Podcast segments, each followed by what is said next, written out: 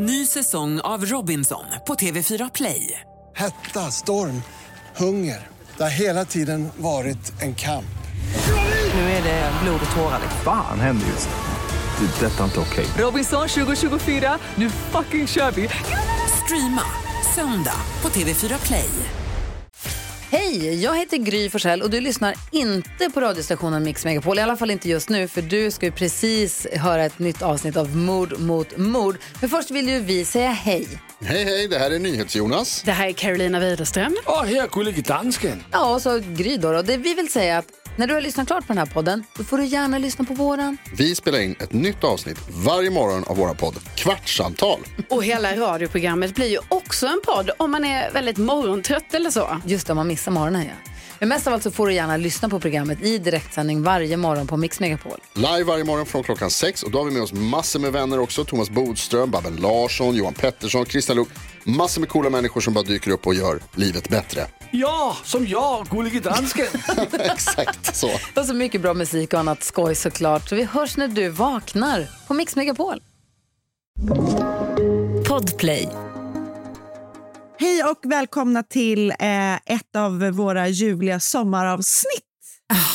Eh, för Mord mot mord, vår podd. Alltså, verk, verkligen så. Definitivt. Vi har ju bestämt oss för att i år göra en liten annorlunda grej där vi eh, plockar ut några favoriter från arkiven och Russinen ur kakan. Exakt, och släpper på eh, dagar när vi inte, från början inte hade tänkt släppa någonting alls. Så det är bara som en liten eh, bonus för er kan man säga. vi You're har ju gjort så, verkligen. Vi har gjort så himla himla många avsnitt, har det ju visat sig. Det, har verkligen, eh, det, det är verkligen en chock varje gång man ser det. Verkligen Men nu har, vi ju, nu har vi ju grävt ganska långt bak i arkivet, får man väl ändå säga. Precis, så att vi har valt ut två Det är stycken nästan avsnitt. fyra år. Ja, alltså det här är två stycken avsnitt som, eh, som vi har valt ut som vi tycker är bra. så himla självgoda. Exakt. Eh, Men, och idag så eh, ska ni få lyssna, vi ska ta er tillbaka till hösten 2019 eh, och till ett avsnitt som är så här, när det har uppstått sådana diskussioner i typ Facebookgruppen där det varit så här, vilket är ditt favoritavsnitt? Då är det väldigt vanligt att det här ändå poppar upp liksom, eller hur? Ja. Och det och vi skulle brukar ju också tipsa om det här avsnittet när någon vill ha en gateway in i vår podd. Exakt, den är ju en lite orättvis gateway för att typ så här skoj brukar det inte vara. och jag skulle säga att Men en then, stor... they're, then they're in. Exakt. Men och en stor anledning att det här är ett eh, favoritavsnitt är ju fallet som du berättar om i, eh, i det här avsnittet. För att du berättar ju, det här är alltså live i Malmö. Exakt. Live i Malmö hösten 2019. Det är ett roligt, lite knasigt fall. Eh, och ehm, eh, det är underbart att det är live också. Det här var ju Exakt. liksom något av våra första live som vi gjorde och det, det var ju superkul. Det var, här vi, Malmö. det var här vi insåg att vi eh, mår så bra på scen. They were natural born entertainers. Exakt så. Ja, men du berättar ju om bedragaren, den märkliga, märkliga bedragaren Carmencita Rockefeller. Det är ju en, eh, en väldigt eh, speciell historia kan man säga. Och jag berättar då om eh, den liksom klassiska seriemördaren Bell Gunnes eh, som ju eh, Eh, som är en amerikan, hon är typ född i Norge tror jag om jag inte minns fel. Bra att jag inte, det är ju länge sedan det här då. Men hon är ju en liksom klassisk amerikansk eh, kvinnlig seriemördare. Länge sedan och mycket konstiga saker som händer. Eh, så att eh, vi tänker väl att så här, vi skickar ut er i sommaren eh, I sommarnatten i Malmö. med vinternatten i. Malmö med, med det här avsnittet. Och sen så nästa vecka är vi tillbaka med lite nytt material igen, eller hur? En, en, så- en gammal klassisk sommarspecial blir det väl då. Ja, exakt. Ett, ett väldigt spännande, lite längre fall från någon av oss. Ah, vad Och, spännande det ska bli att se vad det eh, blir, ska bli tycker underbart även det jag. Okej. Men hoppas ni ska Enjoy! gilla det här avsnittet.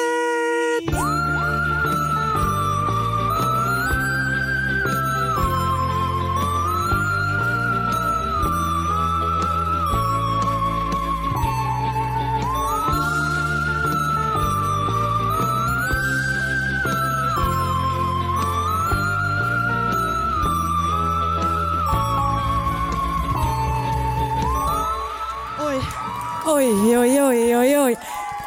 Hallå Malmö!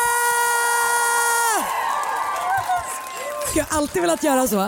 Eh, alltså, vi har nu klarat av det som vi var allra mest rädda för. Trappan. Men här kväll, vi klarade trappan. Eh, vi var övertygade om att vi liksom skulle ligga raklånga på varandra här. Gjorde vi klarade oss. Vi klarade oss. vi Så klarar skönt. oss. Så himla skönt. Gud, vad och så det här är. Kul att eh, just ni är här. Mm. Det känns väldigt, väldigt skönt för oss att de här andra inte kom och så. Och, eh, nej men verkligen. Och vi var ju i Norrköping igår och de var ju super, super snälla. Men vi hoppas att eh, ni är minst lika snälla och, och Ni ser jävligt snälla härliga. ut Ja. alltså. Det är svårt att se men det jag ser ser kanon ut fan. Kul. Bra jobbat hörni. Ah, det är så läskigt. Ja, ja. Ehm, är det någon här som inte har eh, hört den här podden innan kan väl applådera nu. ja men det är bra, ni är Några ärliga ändå. stycken. Fan. Det kommer bli en konstig kväll. Ska vi berätta bara vad det är för Ja, något eller? ja men det låter väl, vill du? Ja, men, eh, vi släpper ju podden en gång i veckan. Eh, och då sätter vi oss mitt emot varandra, hemma hos mig oftast. Och så, pratar vi, så berättar vi om varsitt fall för varandra. Ja, Och det är eh, inte grävande journalistik. det kan vi väl vara tydliga med. Det är inte Petri Historia. Nej, Ehm, eller Petri Historia. inte det heller. Det Nej. är heller inte Peter Dokumentär. Petri Dokumentär. Nej.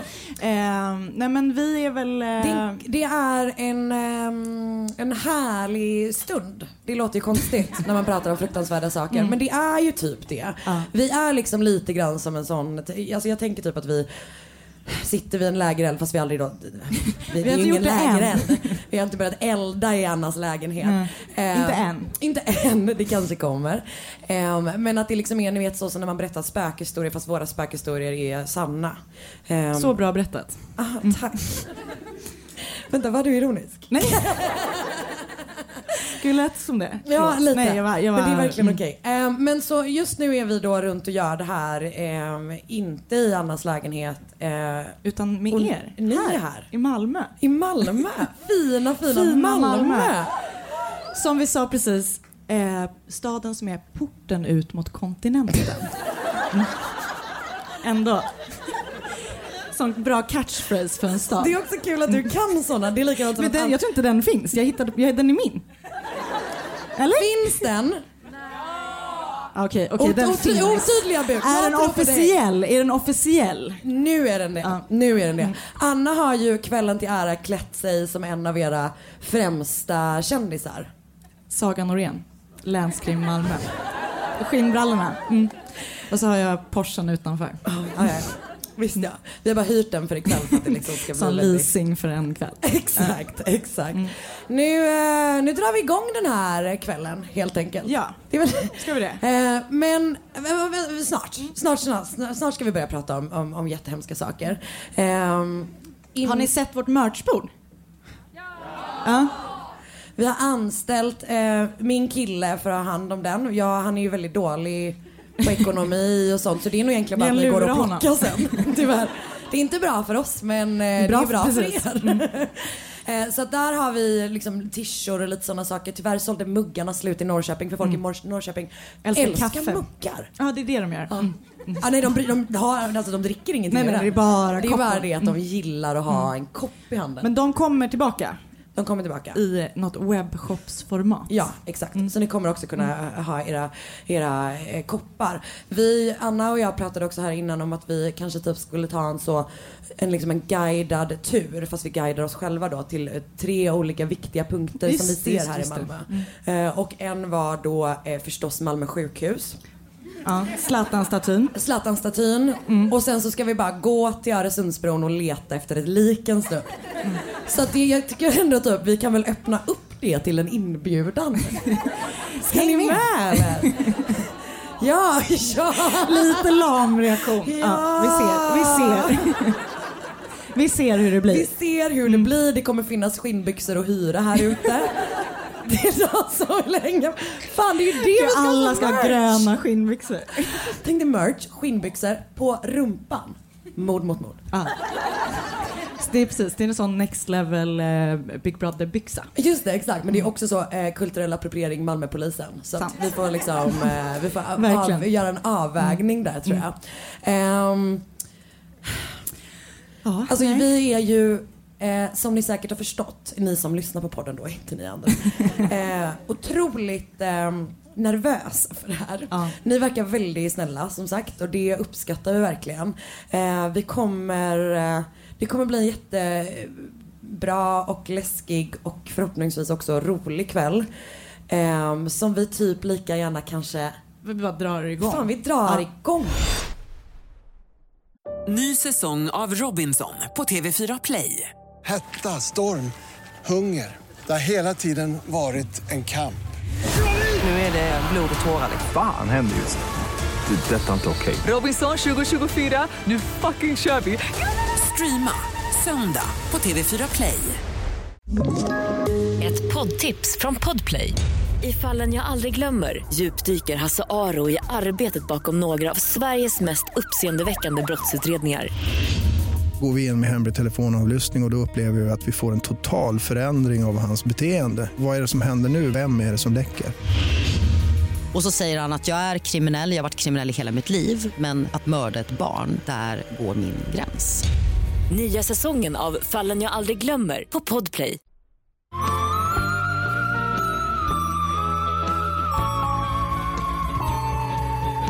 Jag tror jag ska testa en grej. Det, det Jag- jag testar relaxed mode. Så. Hur kändes det? Jag tror det, det kändes ganska bra. Om det hörs bra. Och jag med. Så, ah. och Anna, det här är typ den bästa Det är som, det är som hemma. setupen vi har. Ja. Gud vad mysigt. Ah, Okej, du ska börja. ja. Ehm, kvällens, jag, jag eh, kommer inte säga vad, vad källorna heter för att jag vill liksom att ha kvar någon element of surprise. Men det finns ett bra Snedtänk med Kalle Lind avsnitt. Det finns en artikel i, av Alexander Wickhoff i Faktum. Och så är det en ICA-Kuriren-artikel som ligger som grund för det här. Och det vi kan Tänka säga, sig. det är verkligen, jag älskar att man bara källa ICA-Kuriren. Då vet man, ta tillbaka det där du sa om att det här inte är Peter Dokumentär. pajrecept. Det är deconstructed key lime pie som du bara kommer läsa upp. I botten är det digestivkex och lite smält smör. Nu kör vi. Bra.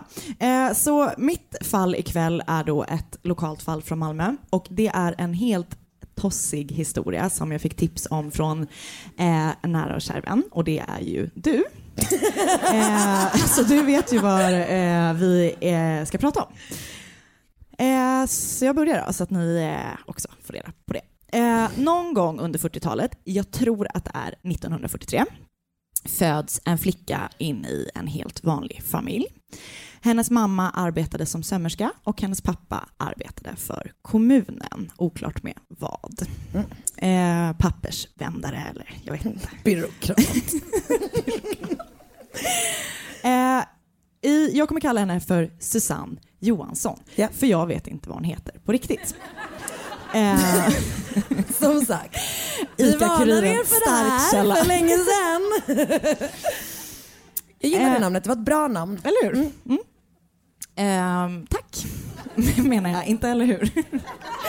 Också, eller hur? Ehm, Susanne driver en frisersalong på Dammtorpsvägen här i Malmö. Eh, rykten säger att den heter Chez moi, alltså hemma hos mig på franska. Eller mitt hem eller ja, något sånt där.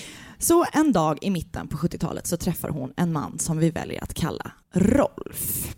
De stöter in i varandra för att han har fått, eh, eller de, eh, vägg i vägg med Susannes salong ligger då eh, Rolfs företag.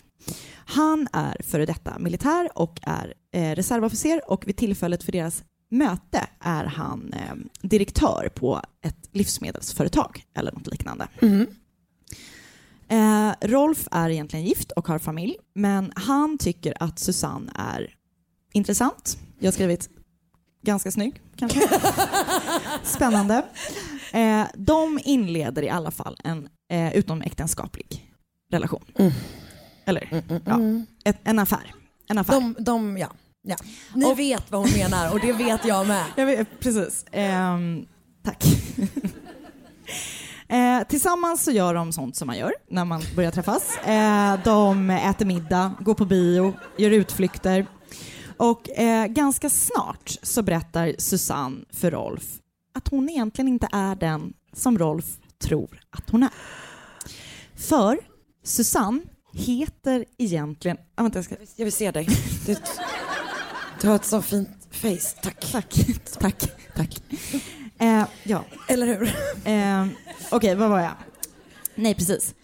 Susanne är inte den Rolf tror att hon är. Mm. För Susanne heter egentligen Carmencita.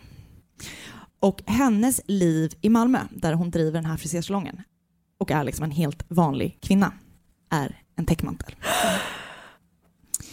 För egentligen så är Carmencita en del av den mycket kända familjen Rockefeller.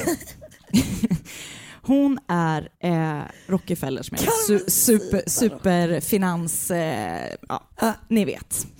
Ehm, hon själv är då brorsdotter till Nelson Rockefeller eh, som var en amerikansk politiker och som var eh, vicepresident till Gerald Ford. Men där slutar inte heller hennes kända förfäder. För att inte nog med att hon var då en Rockefeller, hon var också barnbarn till den japanska kejsaren Hirohito. Mm. Jag gillar henne redan. Ja men alltså tänk! eh, alltså vilken spännande släktforskning hon har framför sig. Ja, gud. Alltså, när min så, eh, det släktforskades på min, eh, på min eh, morfars sida. Ja, vad hittade och de, ni? Eh, nej, nej, alltså det, finns, det fanns liksom ett så familjeträd hemma hos Mm. min mormor. Och det stod bara så torpare i rakt nedåtstigande led. Mamma, ah, vad bra att vi har det här på väggen. Icke att förakta torpare. Nej, nej, alltså Nej. gud snälla. Ja, ja. The backbone Torpare of our society. Exakt. Men det är kanske inget man behöver hä- hänga på väggen eh, liksom så 40 gånger om. Man bara ja ja, det är, han är torpare också. Och så vidare, Ja, och så vidare. och så var det inte för Carmencita. Absolut inte. Men eh, Carmencita pratar ju ganska bred skånska. Och det förklarar hon med att hon har haft en skånsk eh, typ svenska lärare eller barnflicka som liten. Så det är därför hon pratar flytande skånska. Eh, Carmencita berättar då att anledningen till att hon lever i täckmantel i Malmö är för att hon egentligen är gift med en amerikansk läkare som heter Ted Capelane. Och eh, Carmencita vill lämna honom men hon får riktigt, inte riktigt, det är lite oklart varför hon måste leva i, under skyddad liksom, identitet i. Malmö. Eh, men det är då liksom därför. Ted Capelane, hennes exman, hon gömmer sig för honom. Och inte nog med att hon har en väldigt spännande liksom, släktbakgrund. Hon är alltså sjukt eh, välutbildad. Alltså hon, har, hon är verkligen en... Eh, hon har allt. Hon har levt. Nej, men hon, har, och, ja, hon har levt och hon har allt. allt. För hon är eh, diplomat. Hon är faktiskt eh, guvernör i Kalifornien. Det är Som egentligen rent officiellt Ronald Reagan som är det vid tillfället. Ah, men hon är lite egentligen så är det hon som styr. Just det, hon är bara så upptagen med att eh, etablera sin frisörsalong i. Malmö. Sen ska hon Jajamän. Mm. rakt tillbaka och så ska Reagan få åka Ja. på semester. Ja, jag fattar. Hon är ett medicinskt geni. Hon är eh, hjärn och hjärtkirurg. Tog båda? Båda. eh, hon har bland annat eh, hon har gjort mycket hjärnkirurgi på framstående ledare i världen. Eh, hon är hon kan mycket om cancer. Hon är också cancerläkare. Just det. Eh, det är faktiskt så att hon en gång själv haft bröstcancer. Opererat sig själv? Opererat sig själv. Eh, men tack vare behandlingar, hennes behandlingar, specialbehandlingar, så växte bröstet ut igen. Helt fantastiskt. Men gud, också vilket as man är om man har den grejen men inte säger det till någon annan. sig. Nej. Det är helt Nej, stört. du behöver inte det där bröstet. Du klarar dig med ett. men Eh, men det är helt, Åh, helt gud. fantastiskt. Jag är så glad att du berättar det här för mig. Hon, hon eh, har varit förlovad med John F Kennedy. Ja. Hon var faktiskt med den dagen som han blev skjuten och Vad försökte vadå? operera honom. Men det gick ju inte. Hon kunde inte rädda honom. Det är kul att man tänker att hon liksom låg i bakluckan på bilen. Typ. Det är så jag tänker att man opererar. Vad var sparken? Eh, nej, är när hon öppnar bakluckan. Ja, ja.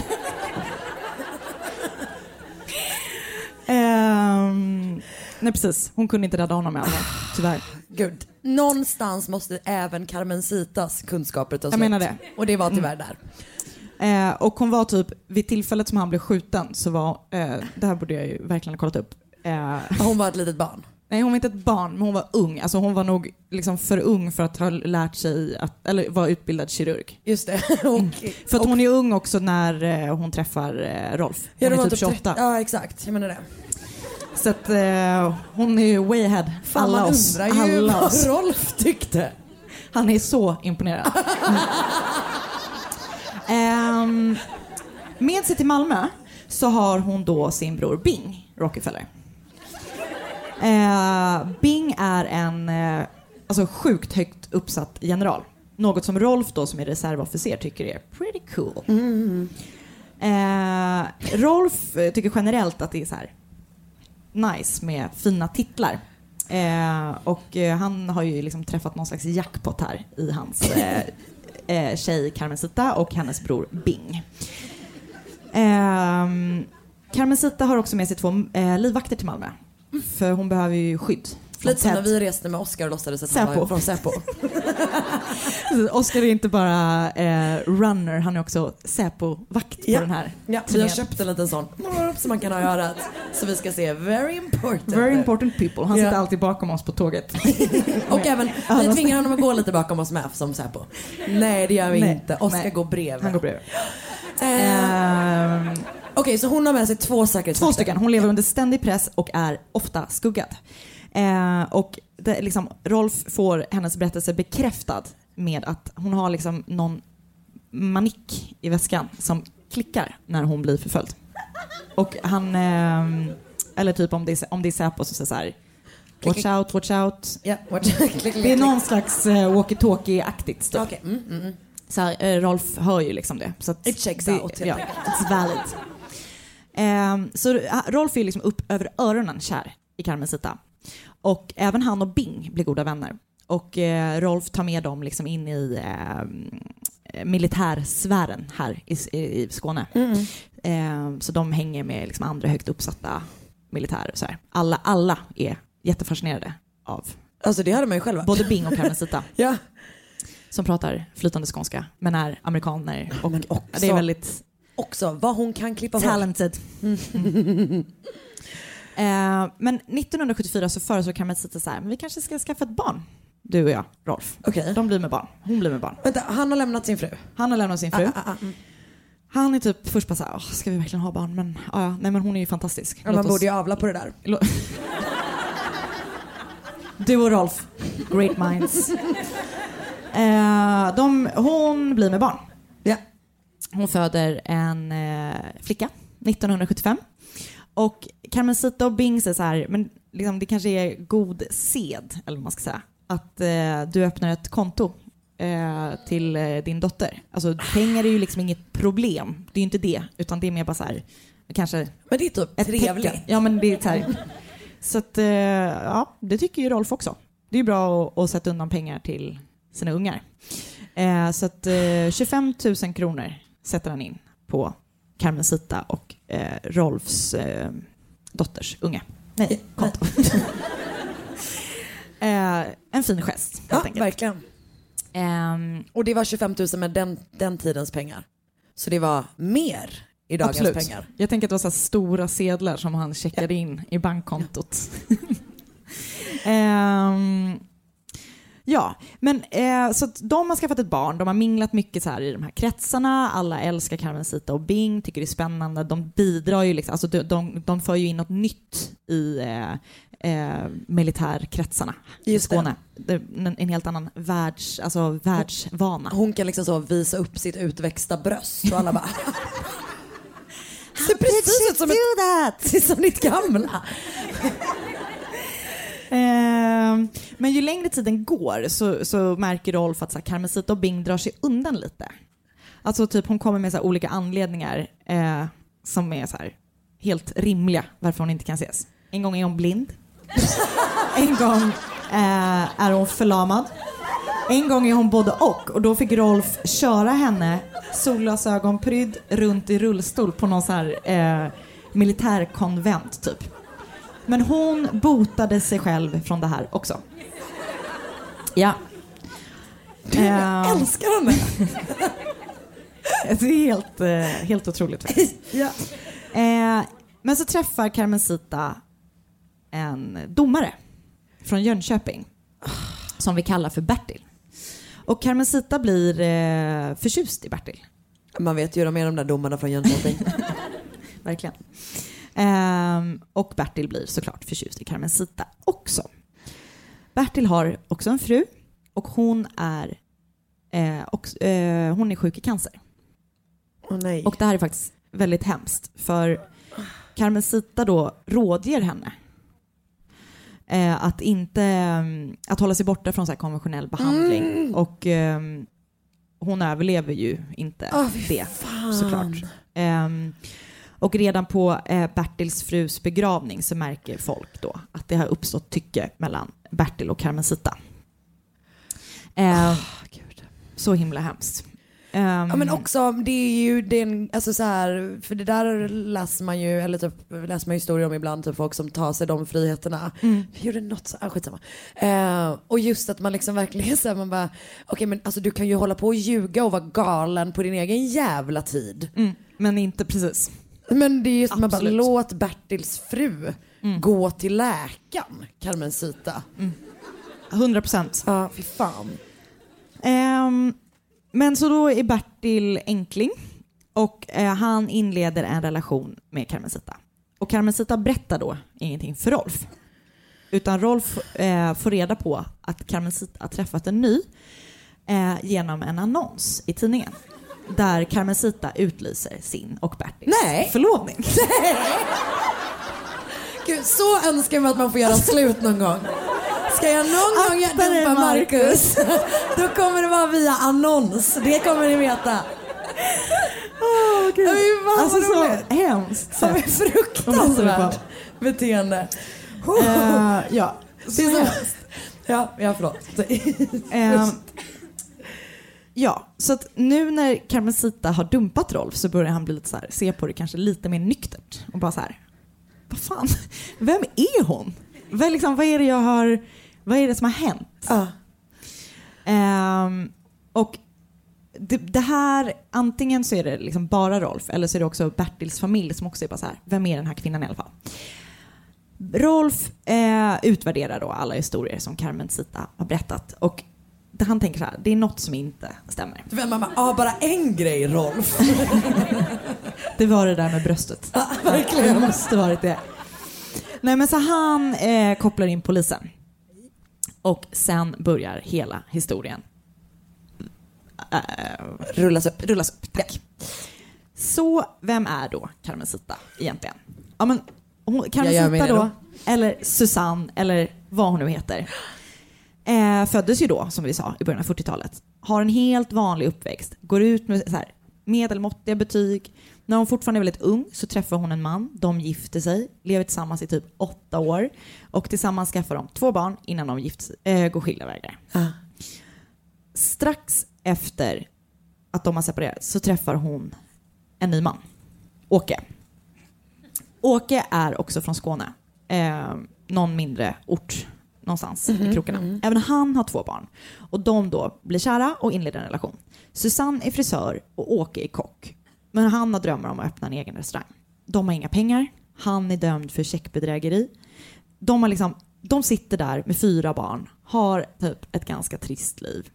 Och sen så helt plötsligt så bara blir de Carmencita och Bing.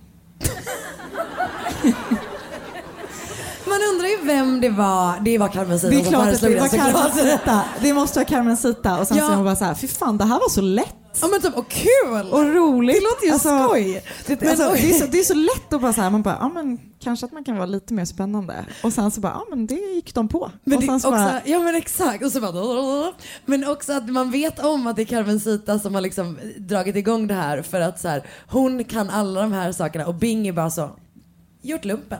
Det var typ det. han, är, han är ju superhögt uppsatt. Han har gjort lumpen. Ja, men det, det är därför alltså, typ, jämför. jag tänker att ingen så här vågar ifrågasätta honom för att han har, han har så fyra stjärnor, vad det nu betyder. Han är högt uppsatt. Eh, så att jag tänker att alla är bara så här, oh. För det tänker jag också eftersom de hängde så mycket med andra militärer och han var liksom kock. Ingen som genomskådar. Alltså ingen. Det är Och så sjukt! de typ så här, kanske in, typ, är, Åke pratar typ inte så bra engelska egentligen. Så att han kanske säger något lite så här haltande på engelska. Så byter snabbt över till Just det, nu kan vi åka för bingo. Hässleholmska. Jag måste ställa Mm. om i mitt huvud. Ja. Mm. Eh, det är otroligt. Ja, väldigt spännande. Man, det är liksom oklart varför. Jag tror att de bara gör det här för liksom så här, alltså, krydda till vardagen. För att de, de, de får inte så mycket pengar utav det. De får ha de här 25 000 som... ehm, Men de fick ju också till barn liksom.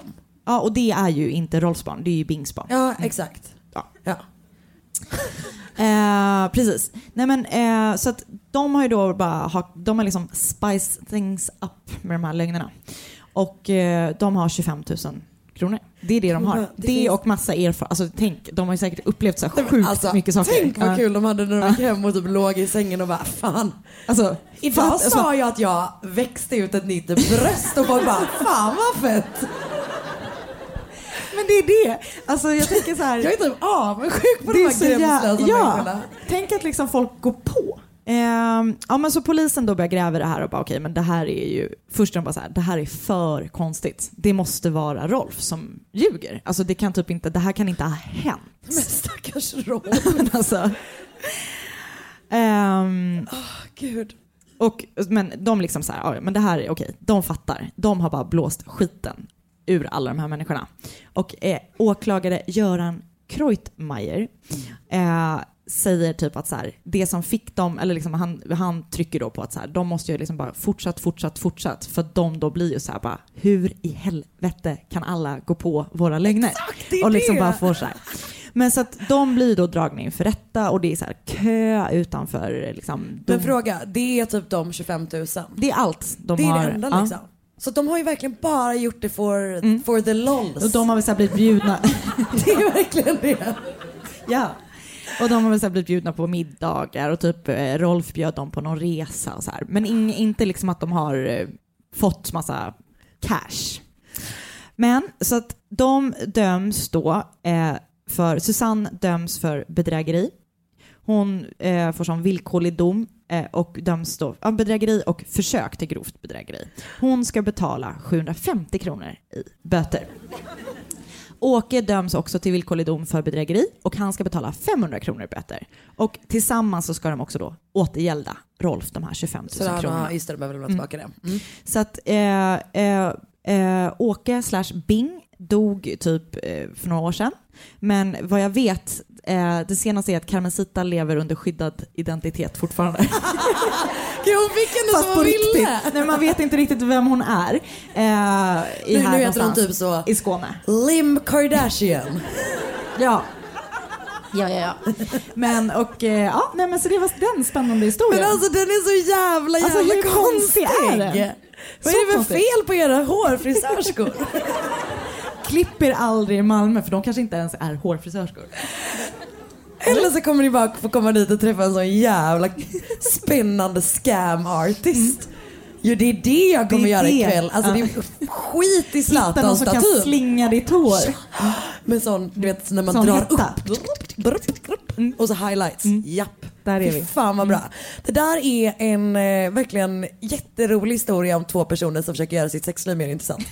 det är verkligen det det är. Ja, men det var så himla, himla, det är så sjukt. Men det är något väldigt roligt när man hittar sådana historier om folk som är så extremt Ja, gränslösa och, och säger så dumma saker och folk typ. Men det är väl det, man kan väl säga vad som helst. Eller jag menar ni är ju här och kollar på oss. Vad är ens det här? Alltså verkligen. Ja, nej men ehm, så det var väl det liksom. Det var liksom det och det var jätteskoj och gjorde mig glad. Eh, och eh, sen kommer nästa halva bli, ni kommer behöva de här härliga känslorna eh, med er in i nästa. Cause we're going down. Ehm, Nu är det lite paus va? nu tar vi lite paus. Eh, köp någonting att dricka, köp lite merch om ni vill. Ehm, gör vad ni, alltså jag ska inte bestämma vad ni gör på Gör er vill. paus. Antagligen gå på toa eller? Ehm, så ses vi om en liten stund.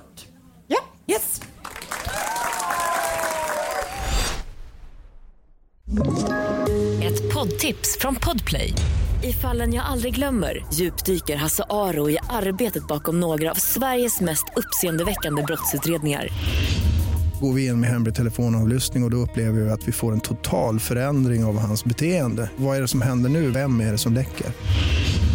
Och så säger han att jag är kriminell, jag har varit kriminell i hela mitt liv men att mörda ett barn, där går min gräns. Nya säsongen av Fallen jag aldrig glömmer på Podplay.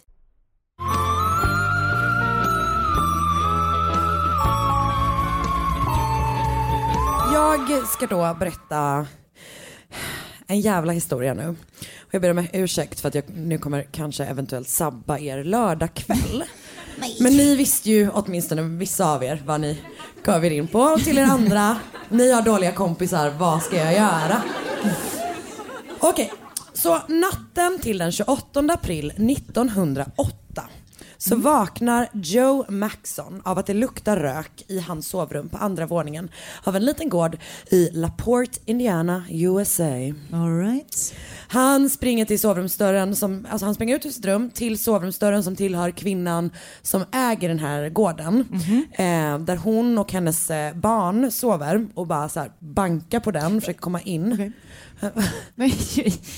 Eh, men det var, brann inte hemma hos honom? Jo, jo, jo han, bor på, ah, förlåt, han bor på den här gården. Eh, och Med någon annan? Exakt, som inte han är jobbar hans där. Liksom. Okej, Ja, okej. han jobbar där precis. Så han eh, springer till den här sovrumsdörren, försöker få upp den för att liksom, se till att de kommer ut för att det brinner i huset. Mm. Men den är låst. Och han bankar liksom på dörren och, och han får inget svar. Så till slut så måste han liksom springa ut ur huset. Då, han är ändå så här modig att han springer ut, hämtar en yxa, springer tillbaka in, försöker liksom slå Ja, ja, in ja. den här dörren. Ingenting funkar. Så till slut så måste han liksom ge upp ehm, och eh, rusar ut igen och larmar brandkåren. När de kommer dit så är det tyvärr för sent att rädda kvinnan och hennes barn. Och senare under dagen när liksom branden har så slocknat ehm, så kan man då liksom söka igenom huset och, eller så här, det som var kvar av det. Ehm, och då hittar man de fyra kropparna liggandes liksom bredvid varandra. Det finns en skillnad mellan barnens kroppar och kvinnans. Och det är att hennes Vem var kropp... den fjärde? Eh, nej men det är tre barn, en kvinna. Jaha, okej. Eh, I kvinnans... mitt huvud var de bara två. Ja. Okej. Barn är ju ofta två. Som standardfamilj. Ja, exakt. Kvinnans kropp saknar huvud. Och det här kommer då sätta igång en process som gör att en av USAs allra värsta kvinnliga seriemördare avslöjas. För idag ska jag prata om Bell Gunness. Norskan som blev svart änka, styckmördare och försvann. Eller? Eller? Är det Carmencita? Det är... Sen blev hon, vänta, i slutet av manuset bara, ah, hårfrisörska i Malmö faktiskt. Okej, eh, Bell Gunness, som sagt, eh, norska, föddes i Norge. Eh, innan hon flyttade till USA så hette hon Brynhild Paulsdatter Storsett. Hon föddes den 11 november 1859 i Selbu som ligger typ en timme från Trondheim. Och man vet väldigt lite om hennes uppväxt förutom att hon var, eller hennes familj var väldigt, väldigt liksom fattig. De var någon slags lantbrukare som inte typ Torpare? Ja, exakt. De var, det var min familj egentligen. Eh, nej men de brukade typ inte sin egen jord utan de liksom hyrde så. Eh, det finns en händelse som liksom lyfts fram. Antagligen tror jag att den här lyfts, den är verkligen fruktansvärd, jättehemsk händelse. Men jag tror också att den lyfts fram för att, men som ni, ni vet hur det är, man, man vill gärna förklara en seriemördares beteende från dess barndom. Ehm, och det här är det enda man vet som är jättehemskt i hennes barndom. Ehm, och det är att hon blir alltså gravid när hon är i tonåren. Och sen går hon på en dans där typ en snubbe sparkar henne i magen. Men gud. Så att hon förlorar sitt barn. Och det finns typ stories om att det var så pappan till barnet. Eh, eller att det bara var vem som helst. Det verkar liksom oklart. Eh, han är från en rik familj så han åtalas inte för det här. Eh, däremot så dör han en någon månad senare. Så det kan man ju trösta sig med. Hur då? Någon slags typ ma, alltså någon slags sjukdom. Och det, det fin- 1800-talet. Exakt, am I right? Men det finns typ teorier om att så här, för hon kommer senare använda sig av gift så är det så här, var han hennes första offer? Antagligen inte. Men Kanske. som sagt 1800-talet. Eh, Norge är då precis som Sverige inte liksom, kanon under den här eh, tiden i historien. Supermånga vill fly till USA. Så mellan 1875 och 1930 emigrerade 800 000 norrmän till USA. Kolla, facts. eh, Är det källa? Källa? ICA-Kuriren. Fan vad de kan på ICA. Ehm, Okej, så hon... bu- Nu ska vi se. Nu kom- 800 000. Från, eh, 800 000, från och med nu kommer jag kalla henne för Bell, inte Brynhild. Eh, för jag förvirrade mig själv när jag skrev det här och det blev väldigt snurrigt alltihopa. Eh, hon kommer till Chicago i USA. Bra att jag klargjorde det. Ligger i USA. 1881 och där flyttar hon in hos sin syster och hennes man som har liksom emigrerat tidigare. Hon börjar jobba som hushållerska. Och i Chicago träffar Bell också sin första man. Mads Sorensson. Som är från Danmark. Alltså det låter ju som det, men jag tror att han är norsk. Han kan vara, han är, skandin- Han är skandinav. skandinav. Är han verkligen. Och de vill jättegärna ha barn men det verkar som att de har typ svårt att bli gravida så istället adopterar de så här olika unwanted children. Alltså det finns en historia om att Bell övertalar en kvinna som ligger på sin dödsbädd. Om att hon bara, men sen när du, då tar jag din dotter va? Och sen vill typ pappan ha vårdnaden men staten eller vem det är nu som bestämmer det är så bara, nej men vi tar hon den eh, främmande kvinnan istället. Hon får hand om ditt Men för barn. kvinnor tar bättre hand om barn. Exakt, precis. Eh, så att Bell och Mats har till slut då fem barn tillsammans eh, som de har adopterat och två av dem överlever tyvärr inte spädbarnsåldern. 1800-talet, am I right? Eh, Bell då, som enligt hennes syster älskar pengar. Okej, absolut. Ja, alltså. Bell får snart upp ögonen för vad som kommer att bli en av hennes liksom, favorithobbys, försäkringsbrott. Ah. Man bara upptäcker det man är ämnad att göra i livet. Då här- vill man göra det hela ja. tiden. Eh, så först eh, brinner parets hus upp, lägligt. De får ut pengar på det. Sen brinner också deras affär upp. Och deras affär som de har är en godisaffär. Eh, vilket ingenting är läskigare när man läser om en seriemördare som man vet hade en en godisaffär. godisaffär. Oh. Den går tydligen jättedåligt den här godisaffären. Vilket också får mig känna så här, hur, alltså, hur läskig är man då? Att man är så bara, nej vet du vad, jag behöver inga sura S. Eh, jag har ångrat mig. Vi skiter i det. Alltså godisaffärer Mm. går väl ändå alltid bra eller? Det är också den Det typen... kanske inte var det man la pengar på om man typ kämpade med Sant. ekonomin Det är i och för sig sant, det är 1800-talet. korrekt. Men det är också den grejen som är så här att det finns ingen affär som liksom kan pendla så mycket mellan hur man ser ägaren, alltså om den är en läskig person man bara Mm. uh, om det är en härlig person man bara ah. Det liksom, Tänker du att det bara applicerar på godisbutiker? Eh, men Tänk att det handlar om allt, Men jag, jag antar att det är för att jag tänker att barn är där. Ah, okay. mm. Och att det är något äckligt med att de tar med såna äckliga mordfingrar. Jag hoppas att de har tång i alla fall. Nej, nej, nej. Bell tog alltid tummen och pekfingret. Ehm, Okej. Så att eh, den här godisaffären går då väldigt dåligt och jag har läst, eller hörde liksom någonstans att enda gången de tjänade pengar på den var när den brann ner. Ja. Så att de får då ut pengar för båda de här sakerna, de köper ett hus. Och den 30 juli 19 1890 kallas en läkare till familjens hem som de då har köpt för sina eldpengar. Och han blir liksom så här rushed into deras eh, sovrum. Och där ligger Mats fullt påklädd ovanpå lakanen i sängen vilket är läskigt bara det på något sätt. Och det Det är, är väl så läs- man vilar? Är det det? En ovanpå lur? Men då får man gå till soffan. Okej. Jag tycker ändå det. Ehm, Eller kryp ner. Man Jag måste vet, unna sig det är att krypa ner. skolor, ja. Ja. det är verkligen olika skolor. Det är sant. Han, ja det blir också då läskigt eftersom Mats är död. Ah. Eh, Det sa, det sa du faktiskt inte. Mm. Mm. Och Bell säger då att han har lidit av en fruktansvärd förkylning och det vet vi hur det är när en man är förkyld va? eh, men han har liksom så klagat på typ huvudvärk och han har, hon har varit så här, men gå och lägg dig och vila. Sen har hon liksom donat runt i huset. Och sen så har hon typ gått upp och kollat till honom och då har han varit död. Men läkaren är så här, "Mm, han har varit död lite länge verkar det som. Men okej. Så att rättsläkaren har misstankar om att Mats har dött av förgiftning. Men en väldigt märklig grej i den här historien är att han tycker att det hade varit så himla jobbigt för Bell. Alltså så hon har redan förlorat sin man. Ja. Det hade varit ännu jobbigare om hon visste att han hade blivit mördad. Så han bara, ah, det var hjärnblödning. Vad är det med det? Det var inte en förkylning? Nej det var inte en förkylning, det var en hjärnblödning. Okej. Eh, det är verkligen, verkligen speciellt hanterat. Ja, Han ändå vaggade in henne i sån riktig bomulls... Enormt empatisk. Mm. Ja, det var intressant hantering. Mm, eller hur? Det kommer några fler sådana. Ehm, om vi nu adderar ett faktum som kanske rättsläkaren inte, det vet vi inte, han kanske inte visste det. Men det som är grejen är att Mats dör den enda dagen då hans gamla livförsäkring och hans nya livförsäkring Aj, aj, aj. överlappar. Fan.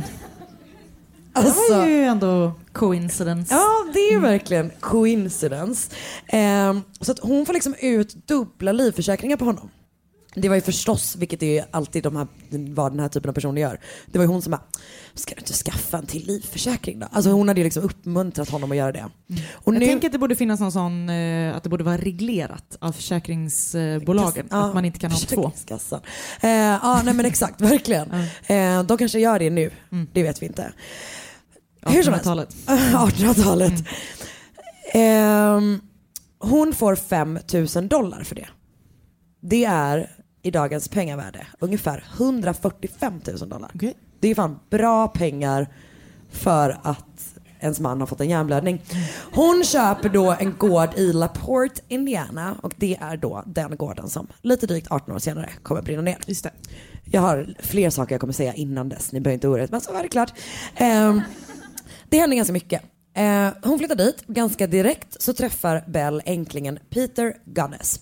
Och han hade ett barn från sitt tidigare äktenskap. Bell har tre, tror jag, kan vara fyra, lite otydligt.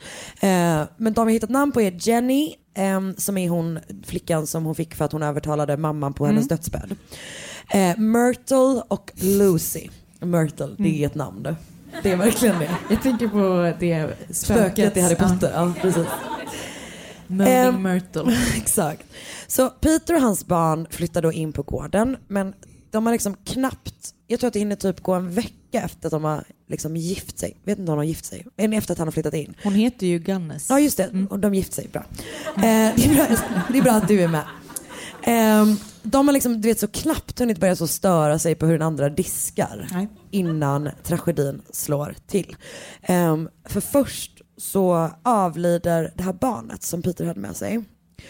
Och bara sju månader in i giftermålet dör också Peter i december 1901. Och när läkarna undersöker kroppen så kommer de fram till att han har fått ett hårt slag mot bakhuvudet. Och det är det som har dödat honom. Ganska misstänkt. eller? Verkligen. Ganska misstänkt. Eh, nej, Bell har en förklaring. Och den är så här. Peter har fått en köttkvarn i bakhuvudet. Hur då? Han har eh, Den varit i trillar köket. ner? Ja, den har trillat ner. Alltså han har sträckt sig efter någonting på en hög hylla, kommit åt köttkvarnen, jag vet inte, kanske Det typ snurrat inte- runt. Det är inte helt orimligt. Men det är typ ändå ganska. Det är inte helt orimligt att Carmencita Rockefellers bröst växte. Jo det är det. Jo just det, Det är mer orimligt. Så. Ehm, alltså han har då liksom det var fanns någon historia om att han typ snubblar på sina tofflor. Alltså du vet det är liksom sån jävla slapstick situation som slutar då med en fruktansvärd eh, händelse. Han får en köttkvarn i bakhuvudet och eh, rättsläkarna bara, mm, ja det är ju i och för sig mycket som tyder på att det är någon som har slagit honom i bakhuvudet. Men skitsamma. Vem skulle gjort det? Vem finns det här som skulle kunna gjort det? Men de bara, skitsamma. Vi skriver upp det på våran lista över köttkvarnsolyckor. Jag tänker mig att det var pergamentrulle, att de bara, så rullade det ut för det var så himla många. Ehm, så att hon är nu dubbelänka som det Ja. heter. Det gör det absolut inte. Kanske. Hon har, det, kan, det kan göra det. Och först så lever hon liksom ensam på den här gården, hon lever med sina barn, hon har typ lite folk som så hjälper till, de har liksom grisar, lite hönor, eh, en shetlandsponny. Trevligt. Nej, Shetlandsponny, väldigt griniga hästar. Mm, okej. Så skaffa inte, de Nej. är väldigt gulliga. små. Riktiga rövhål. Ja. Vi hade en som hette Pepsi-Cola när jag var liten. Gullig. Han hatade att gå på vägar. Och jag var kanske typ så sex. Så att Pepsi-Cola ville bara gå i dikena. Mm. Så det var bara att han man liksom försökte få honom att gå på en väg och sen hoppade han ner i dikena. Mm. Otrolig häst. Ehm, hon håller sig för sig själv. Grannarna tycker att det är lite konstigt att hon eh, liksom jobbar på gården så som en man jobbar på gården. Att hon liksom... Att hon hugger i. Hon hugger verkligen i. Och hon verkar ha hand om liksom, lite allt möjligt. Bell är, hon bygger ett jättestort liksom ett stängsel runt gården eh, som de tycker är ovanligt högt. Men grejen är att Bell är också ovanligt lång. Så hon kanske bara inte ville se dem. Nej. Hon är 1,82. Mm, det är långt. Ja, framförallt Resligt. på den tiden. Men hon, eh, det känns som att det känns att, norskt. Ja, ja men Att verkligen. hon är 1,82 och hugger i på Hon gården. exakt, hon beskriver senare som att hon har eh, traditionellt norskt brunt hår. Man bara, okej. Ehm, alla bilder ser ju bara ut som en så halvläskig tant på 1800-talet. Mm. Alltså, ja. Har hon sån där äh, lös knut, du vet när det är som att håret ja men typ så. lite så. Jag vet inte ens om hon har det men det känns som att hon har det i själen annars. så det är verkligen, ja. Hennes, hon har en aura av lös knut Exakt, att liksom en knut flyter omkring Mm. här någonstans uppe. Ehm, alla kan känna sig ensamma. Och det var bara ett statement. Så ta hand om varandra där ute ikväll. Man kan också, färre personer kan också känna sig sugna på att mörda folk för deras pengar. Eh, Belganes faller nog snarare i den sista kategorin. Okej. Hon börjar sätta in kontaktannonser i olika tidningar för skandinaver i USA. Här kommer en av dem. Personal. Comely widow betyder tydligen att man är ganska snygg. Vad heter det? Comely. Comely? Ja. Jag källa typ en rand, ICA-Kuriren. Comely widow who owns a large farm in one of the finest districts in LaPorte County, Indiana, Indiana, Indiana. Indiana desires to make the acquaintance of a gentleman equally well provided. Hon är tydlig. With view of joining fortunes. No replies by letter considered unless sender is willing to follow answer with personal visit. Och sen för er eh, My, My Favorite Murder folk så avslutas eh, det här brevet med någonting som blivit liksom superstort i My Favorite Murder eh, som är Triflers need not apply. som är att hon typ inte vill ha några skojare utan det är så här serious business, kom till min gård. Just det att hon är liksom så här, jag tänker inte svara om du inte direkt kommer till min gård. Alltså inga, det är inte man bara, men du... Men hon vet vad hon vill ha. Brev, ja men det är verkligen man det. henne. Mm. Man ska ju vara tydlig med vad man behöver här i livet. Inte minst när man dejtar. Absolut. Hon hade varit en vidrig gäst eller så deltagare i eh, första dejten. För de parar alltid... Eller underbart, alltså se det mötet mellan hon... jag, det jag tänker att det hade varit är att så här, eh, för att de parar alltid, det är ju typ bland det mest rörande med första dejten, det otroliga SVT-programmet, eh, är ju när de parar ihop en äldre man som har förlorat sin fru med en, med en Mm. äldre kvinna som har förlorat sin man. Alltså det är liksom Det är fantastiskt. men så därför tänker jag att hon hade liksom så kört över någon stackars änkeman och hade varit så bara mm, Visa mig ditt bankkonto. Eh, ta ut alla pengar bara. Jag räknar med att du tar med dig, ah, vi kommer in på det, vad man ska ta med sig när man ska på dejt med Bell. Ehm, så, det sjuka med det här är att det här funkar så jävla jävla bra. Alltså hon får så otroligt många Det är svar. som i Bonde söker fru, första avsnittet. Ja exakt. Linda, Beng, nej, heter hon? Linda I, Lindorff. Is, är det något Isaksson ni hittar jag på? Nej. Ni vet. Linda Lindorff, jag vet att hon heter Linda. Linda, ja det heter den verkligen. Bra. Ehm, exakt så, det här är en tidig version av Bondfru söker fru. Nej, ja. Söker mord. Söker man. Ehm, så alltså brevbäraren är i chock över hur många Alltså, brev många som brev. kommer. Mm. Ja, han bara, ibland kom det sju, åtta brev på en dag. Åh jäklar. Så folk älskar tanken på att join fortunes med a comely widow. Såklart. Ehm, så att snubbar från liksom hela eh, USA plockar, ja, för det hon skriver då är ju liksom att så här, ah, allting handlar om pengar. Ehm, folk liksom plockar ut alla pengar de har på banken, åker och hälsar på Bell. Eh, bor där något litet tag och sen försvinner de. Och grejen är typ att Belly sett sina grannar, hon bara, "Nej, ni känner mig, jag har så otroligt dålig smak på män. De bara överger mig. Man bara, "Nej, vad- vad- vad?" så att alla tycker liksom jättesynd Ja, om henne. För att hon, all, alltså, alla dyker upp, kommer dragande med sina stora koffertar upp för gården. Eh, koffertarna är i och för sig kvar sen så det tycker de är lite konstigt. Men eh, de, alltså folk bara liksom dyker upp och sen, eller eh, männen dyker upp och sen lämnar de henne. Stackars stackars Fan vad trist. Ja det är fan tråkigt. Bell får tag på en man från trakten som flyttar in hos henne för att hjälpa till och så ta hand om gården. Och han heter Ray Lamphere. Lampere, något sånt. Eh, och till en början så är de strictly business, men eftersom, eftersom, efter ett tag så ses de liksom hålla varandra i handen på stan och sånt. Han är super, super kär i henne. Men hon fortsätter ju skicka ut sina kontaktannonser på löpande band och så fort en ny man dyker upp så skickar hon typ ut Ray i ladan. Det är jättesynd. Alltså, så han, för han har typ inga pengar. Nej. Så att han passar bara in när Han hon... är bara liksom- bra för en sak. Ja, exakt.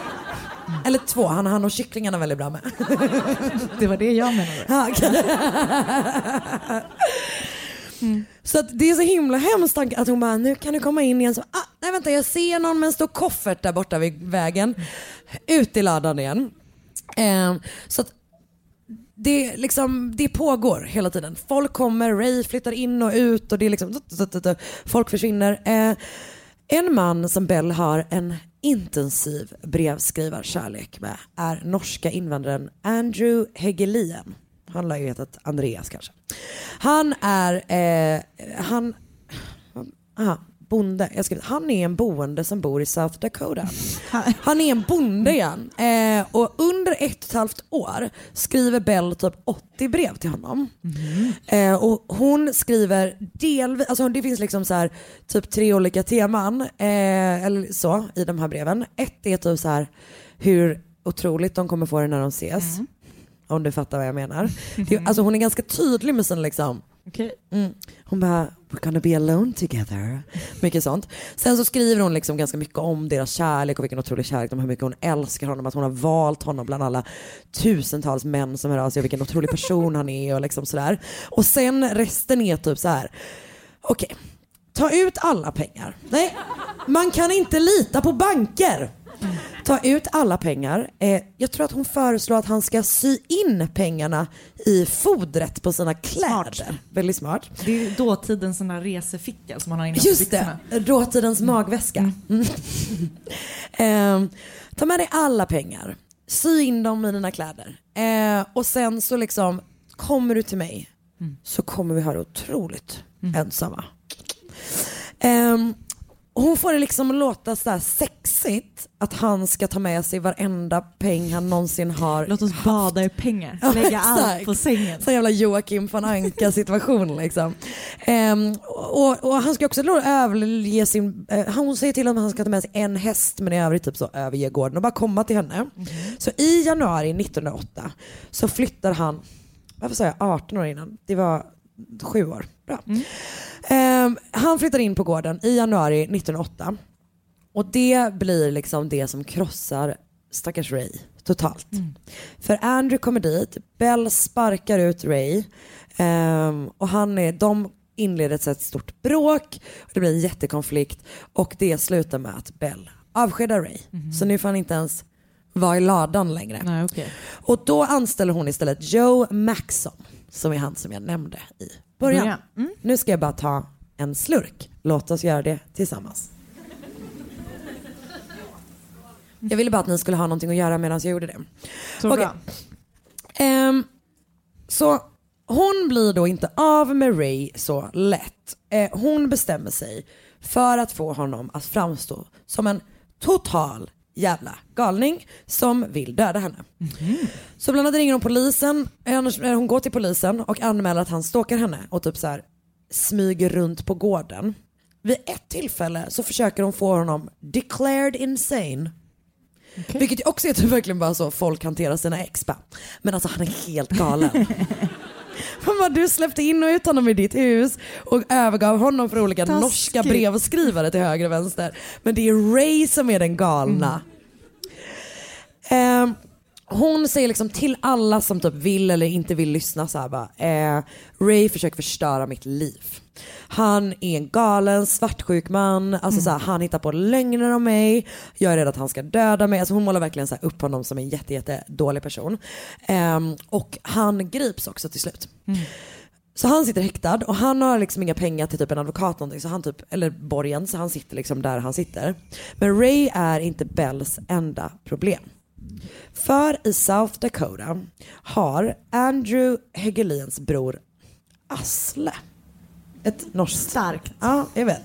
Eh, jag har aldrig hört det namnet innan. Eh, men nu kommer jag döpa... Inte i den formen. As, as, as, as, as, A-S-L-E. Normen, am I right? De är så Nej, härliga. inte det? Älskade, älskade någon. Du älskar ju norrmän så jävla mycket. Du har ju bara en stark relation till våra grannländer. Det känns som att du är, så här, du är okej med Sverige. Älskar, Älskar, danskar. Älskar norrmän. Bra. De är... Och det är därför du jobbar så bra med dem på Rikskrim Köpenhamn. Så Asle då har börjat fundera på var hans bror har tagit vägen. För att eh, Andrew har sagt att han ska till Indiana i någon vecka.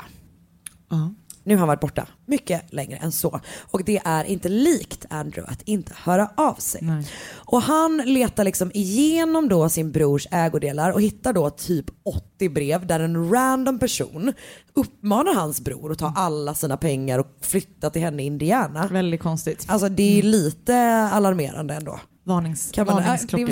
ding. Ehm, så det han gör då är att han kontaktar Bell och bara, har du sett min bror? Och Bell, hon bara, ah, om du hittar honom så är jag också väldigt intresserad av att veta vart han är. För jag har ingen bästa, aning. Bästa sättet att ändå vet. ifrån sig en lögn. Haka på. Jag vet, var är han? Det är väldigt märkligt där. Hon bara, jag tror att han kan vara i Chicago. Alltså hon bara drar till med någonting, någonting liksom.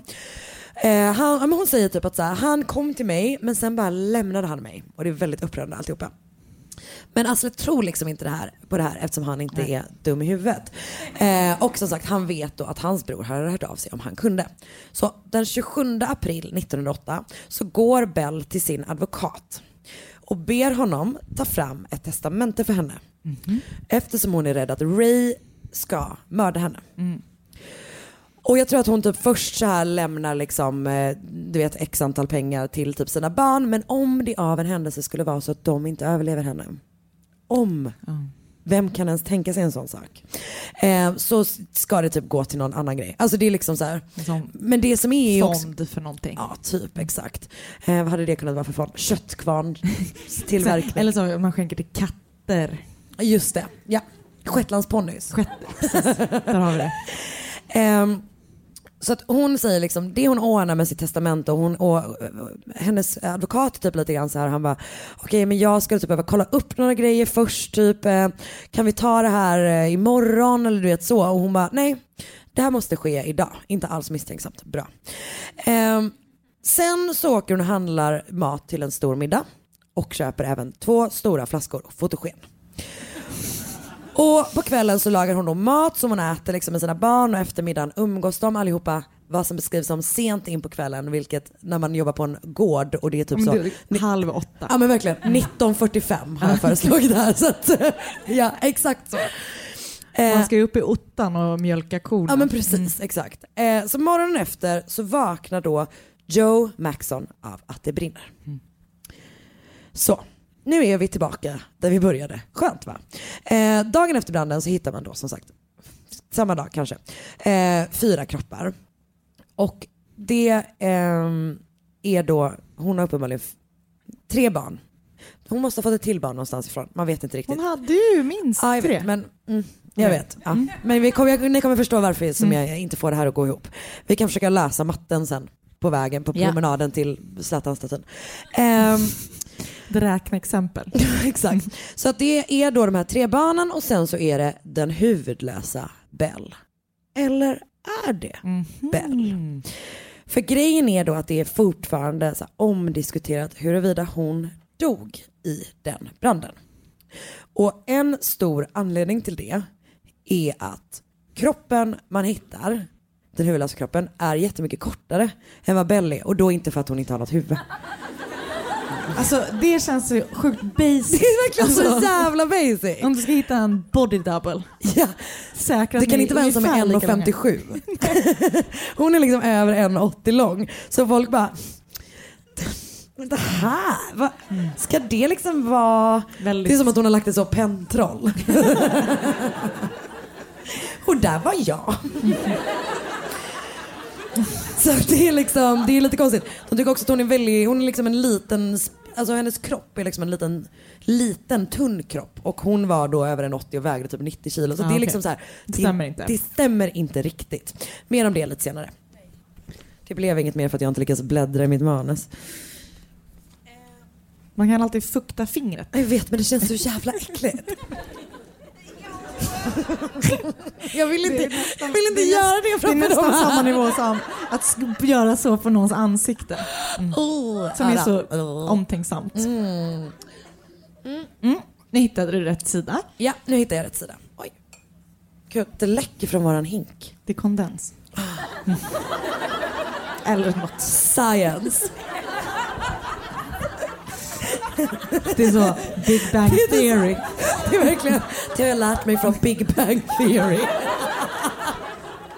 Det är också typ en sån, eh, du vet man, att man har, man, bara, man har en sån dagens ord-almanacka. Dagens ord, kondens. Det är på ganska basic nivå. Absolut. Ja. Hus, nyheten om att det här huset har brunnit ner och att man hittat fyra kroppar eh, sprids då över USA.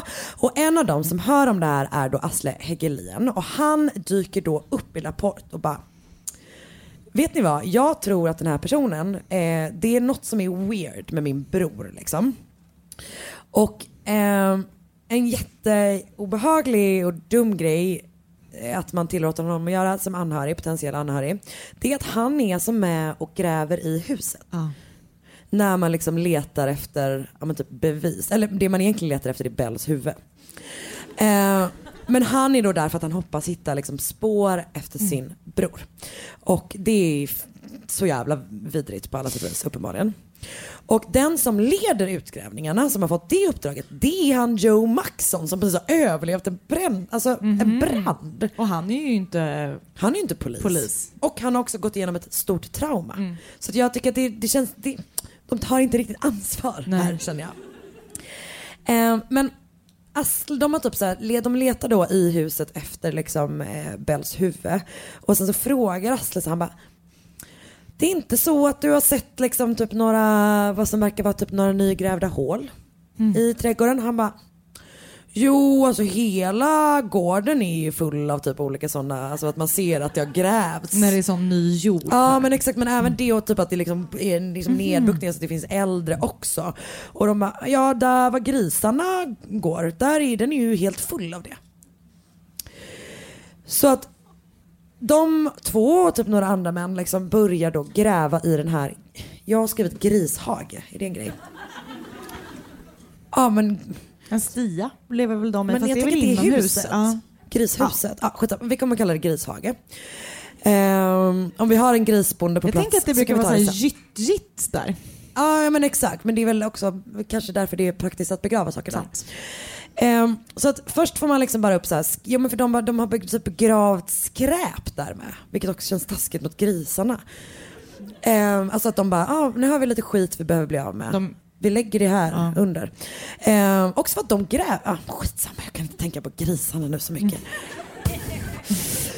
Så att de börjar liksom gräva. Först hittar de skräp. Sen hittar de saker som, alltså ägodelar som typ ser ut som att de hade kunnat tillhöra män. Och många olika män. Alltså typ liksom att det är, eh, är ehm, men, men vad heter det?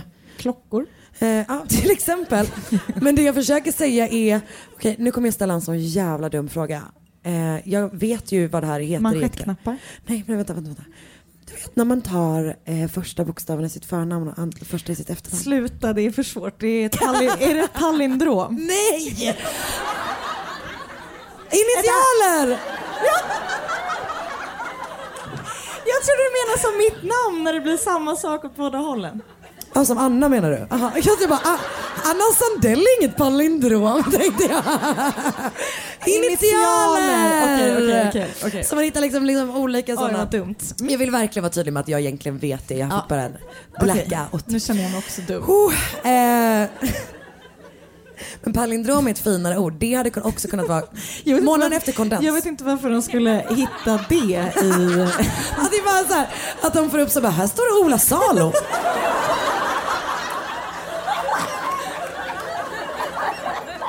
Det är så typiskt manligt. Så de Okej. Ni vet ju killar, de älskar ju palindrom.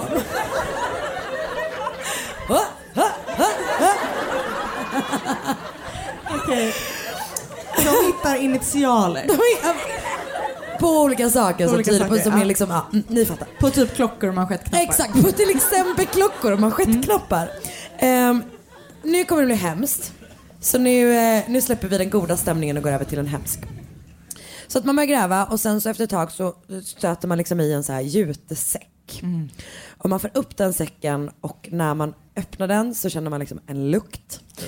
Ehm, och i den så hittar man två händer, två fötter och ett huvud. Och det är då Andrews Nej. huvud. Och det är så jävla hemskt. Alltså att man bara...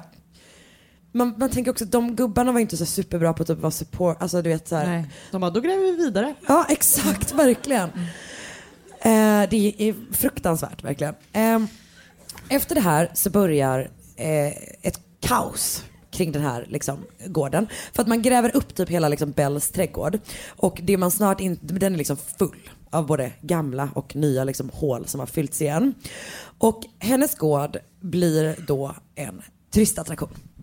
Men gud. Alltså det är ju som vi pratade om igår också, att folk är typ såhär, hm, varför gillar folk true crime så mycket nu för tiden? Man bara, nej nej, folk gjorde så här innan. De bara, nej men de har hittat kroppar på en gård. Fan ska inte vi, åker dit? Vi åker dit. Alltså det är så jävla jävla grovt. Så att alla tåg till Laporte är liksom fullbokade av folk som ska gå och kolla på liksom the murder house. Nej, det är inget bra. Och folk börjar liksom sälja souvenirer. Vadå? Vad sålde de? Ja men delvis så sålde de saker från huset men jag tänker mig att de typ var så här att de sålde t-shirtar och sånt. Nej. Hade det Det kunnat de vara att inte. det var typ så här, ja, nej gud, jag får panik. Ehm, så att folk liksom verkligen slår mynt om man säger. Folk, eh, det finns matförsäljare. Vilket är exakt där man liksom så, man vill. Jag tänker att de gör såna där kanderade äpplen. Eh, ja men delvis så är det typ lite glass och popcorn och sånt. Men de har också, börjar också sälja Gunness Stew. Inte, inte kul. Nej men det är liksom inte okej. Vad är det för fel på de här människorna? Det kommer under en helg 20 000 personer dit. Jävlar. Och grejen är att under tiden så pågår då utgrävningen. Så att hela tiden är det liksom så att man letar efter kroppsdelar. Medans det står alltså tus, tiotusentals personer och kollar på. Det är så jävla grovt. Och man kommer då gräva upp liksom likdelar efter likdelar efter likdelar i den här grishagen och även andra delar av gården. Första dagen hittar man fem kroppar. Andra dagen hittar man fyra till.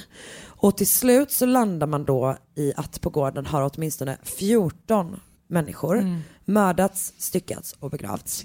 Men man tror att det är många, många fler. Ehm, kanske så många som 42. Oj. Och hon har då varit aktiv, alltså om man liksom börjar räkna med typ när hon började mörda sina män, typ Mm. under så 15-20 år. Och hon mördar ju då de här männen som kommer dit uppenbarligen, men hon mördar också typ så här du vet kvinnor, alltså liksom det är, hon mördar Mm. höger och vänster för att hon är en sån person som mördar för att typ för sin egen vinning bara Ja. liksom. Ehm, och typ för att komma undan med sina mord. Mm. Så att bland annat så hittar man också hennes eh, dotter Nej. Jenny där. Och eh, hon har då sagt till grannarna att Jenny är, har börjat på college eh, i Kalifornien. Mhm. Men det som har hänt är då att Jenny har liksom börjat så här hon bara, mamma, varför försvinner så mycket män mitt i natten från vår... Alltså du vet Mm. att hon har börjat liksom ifrågasätta. Eh, och då har hon helt enkelt gjort sig av med henne. Gud vad hemskt. Ja, det är svidigt. Så den här nyheten blir liksom jätte, jättestor. Sprider sig över landet, man pratar om som Belganes Death Garden och hennes, du vet, The Horror Farm och Mm. sånt där. Och det eh, gör då att fler och fler kommer fram och berättar om sina upplevelser med Belganes. Bland annat så är det en snubbe som berättar att han eh, tog med sig sina pengar, åkte dit. Första natten vaknar han av att Bell står vid hans säng och kollar på honom med en hammare i handen. Och han bara, vad gör du? Hon bara, ingenting. Så går hon. Och sen så bara, så fort hon har dragit, han bara kastar sig ut och drar därifrån. liksom. Ja, också bara den grejen, du vet man bara säger nej du hade ju varit supermördad. Du klarade dig, hurra.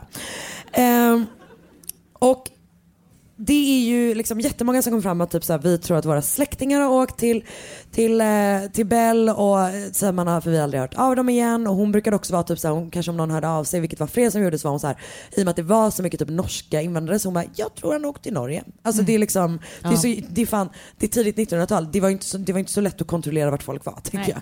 Det var inte så, find your iPhone, eller vad säger jag. Um, Okej, det är jättesvårt att identifiera de döda. Um, de man verkar identifiera, liksom några namn som finns, är Ole B. Budsberg från Iowa, Wisconsin, Thomas Lindboe från Chicago, Henrik Gurholt från Scandinavia, Juholt? Wisconsin. Gur, Gurholt. Gud. Saknar Håkan Juholt. Han var en jävla legend. Han gjorde vad han ville. Eh, Olof Svenherud från Chicago, John Moe från Elbow Lake, Minnesota, Olof Lindblom från Wisconsin och då Andrew Hegelien.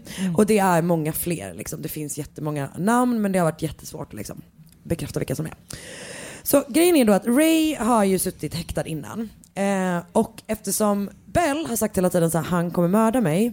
Mm. Eh, så blir han då nu också häktad för den här mordbranden. Mm. Typ direkt efter att det har skett. Nu delar sig liksom, för, för först har man ju har då media och typ liksom alla i stan och sånt varit så helt på Bells sida. Att man bara, gud, hon har blivit utsatt för den här fruktansvärda saken av Mm. den här svartsjuka onda mannen. Eh, och allting är liksom jätte, jättehemskt.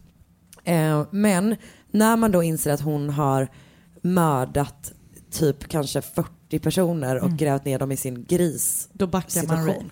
Då tänker man så här, mm, det var, hon är nog en eh, vidrig, vidrig person. Mm. Men det som händer är typ att det liksom delar eh, samhället lite grann. Okej. Så att delvis så tror man, alltså antingen så tror man att Bell har fejkat sin egen död, mördat sina barn och flytt. Och därmed då att Ray liksom inte ska... Men det vet man väl eftersom här kroppen var... Ja fast du vet då är folk typ så här, mm, det var bara hörsägen eller typ den hade krympt av elden. Just det. Jag vet väldigt lite om vad som händer med kropp i eld. Förutom ja, kremering. Men det, ja, det finns ju de som du vet, Ja, krympta huvuden och sånt. Ja men och jag tänker typ så här, du vet hon, Maria Kirsch krympte ju sin eh, makes huvud i ugnen till exempel. Mm. En liten fakta. Kul på fest. eh, Okej, så att antingen tror man då att som sagt att hon har fejkat och sådär. Eh, eller så tror man att Ray har då legat bakom branden, att han är liksom den här svartsjuka personen och att han eh, åtminstone hjälpt till. Mm. Eller på egen hand har mördat personerna på, för att han har ju bott där, han har ju bott på gården liksom. Så att till slut blir det då rättegång. Jag läste också, eller hörde någonstans att det liksom är så här, att det blev en sån för att det var typ valår och att det liksom delade sig på demokrater och republikaner typ vad man tyckte. Jag vet inte vem som tyckte det var, det är inte tydligt på något sätt vilken Nej. sida man Men ska det kan ta ha i varit den. så. Ja exakt. Till slut blir det rättegång och Ray döms då mot sitt nekande till 20 års fängelse för mordbrand. Men han blir sjuk och dör typ ett år efter att han dömts. Inte som jag skrivit i mitt manus. Dör typ ett år efter att han dött. Nej, det är- Eh, Det går inte. Jag skrev det här med sista med det här manuset liggandes i på hotellet i Malmö och hade så jävla mysigt att det började, blev liksom att jag låg i sängen. Inte ovanpå, hade krypit ner. Mm. Eh, jag blev uppenbarligen lite slapp på slutet. Eh, men innan han då dör så ska han ha berättat en och annan intressant grej. Delvis till sin, ehm, den som han delar cell med, men också typ att han, typ har, alltså han träffar en präst på slutet. Ingenting är bekräftat, men det här är liksom så Mm. som det sägs. Kör. Och han ska bland annat ha, sagt att han såg hur Bell mördade Andrew Hegelien. Att hon styckade honom med en yxa och att det var så hon brukade liksom hantera sina offer. Han ska också sagt att hon använt liksom kloroform på sina barn eh, innan och sen, alltså att de har varit liksom avtuppade innan och då tänt eld på det här huset. Och där kan han ha liksom varit inblandad. Mm. Och nu till den kanske typ mest spännande grejen som är att han säger då, alltså att Bell fejkade sin egen död. Att de har liksom träffats efteråt. Att den här huvudlösa kvinnan var ytterligare ett mordoffer som hon bara stageat för att liksom så här komma undan. Men han har hjälpt henne då med allt det här? Ja, alltså han ska typ eventuellt ha hjälpt henne att tända elden. Typ så. Och han har ju liksom varit någon slags, men jag tänker att han har varit ganska mycket under hennes liksom spell. Så att han har ju vetat om att det här har hänt. Det är ju därför hon började säga så här, han kommer ljuga Ja, ja. om mig och du vet liksom hela den grejen. Att hon började liksom svartmåla honom innan han han berätta vad hon faktiskt höll på med. Eh, och det är liksom en kvinna då som har arbetat på den här gården som Bell har halshuggit och slängt eh, hennes huvud i en sjö. Och han då som säger att hon har kommit undan, hon är vid liv, att han bara hon är närmare än vad vi tror. Typ. Och det som hon ska ha varit hennes grej då är att hon har när folk har kommit till henne eh, förgiftat dem. Alltså typ att hon har börjat så här, typ ofta första dagen folk har dykt upp så har hon liksom lagt om det är arsenik eller vad det är, i typ drickan, eh, någon dricka som de fick, eh, till middagen. Och, då, då, och sen har hon slag, för det, det är ju det, alltså giftmord, klassiskt kvinn, kvinnligt ju. Ehm, klassisk grej som tjejer håller på med. Men hon har också typ använt trubbigt våld mot typ bakhuvudet. Mm. Kanske köttkvarn. Ehm, och sen har hon också styckat om. Så det är ju liksom de aspekterna Mm. med typ. Och hon har också, alltså man har sett henne ganska många gånger, alltså folk har trott att de har sett henne ganska många gånger efter det här. Och till en början är det verkligen typ såhär, Hur har hon ändrat sin stil undrar man? Liksom, vad kan, hon släppte ut håret från knuten.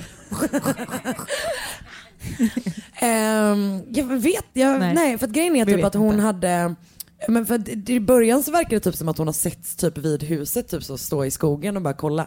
Med någon, någon, det är nog vet att det är med en blond man. Det är den jag vet. Eh, men folk har, säger ju då att hon har sett det. Men det gör ju folk alltid också i sådana här händelser. Jag tror tusen procent att hon fejkade sin egen död. Absolut. Och Alltså- till Norge igen. Ja, kanske tillbaka till Norge. Och typ så här, för det finns typ en grej som är så här, ja, men hon hade 700 dollar på sitt bankkonto så att och hon har inte rört det. Men hon tvingade ju alla snubbar som kom dit att ta med sig cash. Så att hon, och hon trodde ju inte på banker heller. Nej. Så, att, ehm, så att jag, tror, alltså jag tror verkligen, verkligen att det här, det här är liksom inte en person som typ så slutar om hon kan komma undan. Nej. Alltså hon tycker att hon är skitsmart. Och uppenbarligen. Var hon ju det? Mm. Men väldigt dum. Vill vi vara tydliga med. Ehm, mm. Och det är liksom historien om ehm, um, Bell Gunness. Om man vill veta mer så finns det jättebra avsnitt av uh, All, All Killa No Filla. Som är en härlig podd. Um, och det finns en jättebra long read på Mental Floss som heter Corpses in the Pig Pen. The Tale of Indianas Most Notorious Serial Killer. Dum, dum, dum. Så det där var historien om Bell Gunness som brukar kallas the female, vad heter han? Black bear, beard, blue beard. Han piraten. Man bara, mm, vi behöver typ uppdatera era referenser för att ingen vet vad det här betyder längre. Väldigt spännande. Ja men hon Tack är ju, hon är ju intressant. Det var, ja. Och väldigt, väldigt obehaglig. Och eh, alltså, kvinnliga seriemördare i allmänhet är ju, ja. Men jag kan också typ gilla ett försäkringsbedrägeri, jag tycker det är intressant.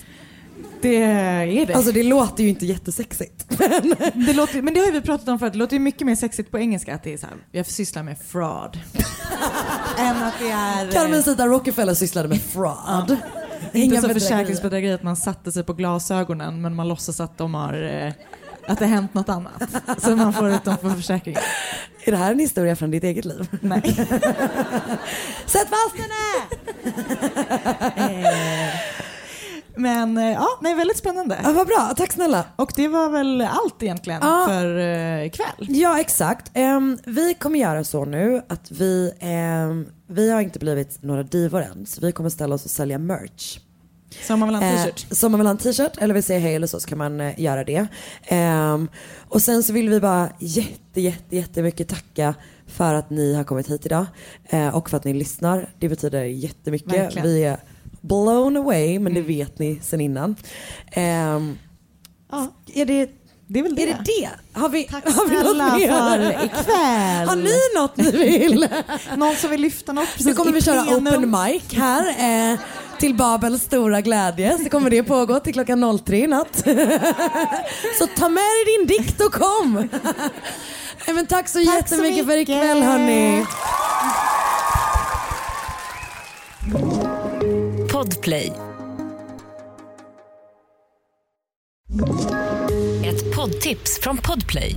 I fallen jag aldrig glömmer djupdyker Hasse Aro i arbetet bakom några av Sveriges mest uppseendeväckande brottsutredningar. Går vi in med hemlig telefonavlyssning och, och då upplever vi att vi får en total förändring av hans beteende. Vad är det som händer nu? Vem är det som läcker? Och så säger han att jag är kriminell, jag har varit kriminell i hela mitt liv men att mörda ett barn, där går min gräns. Nya säsongen av Fallen jag aldrig glömmer på Podplay.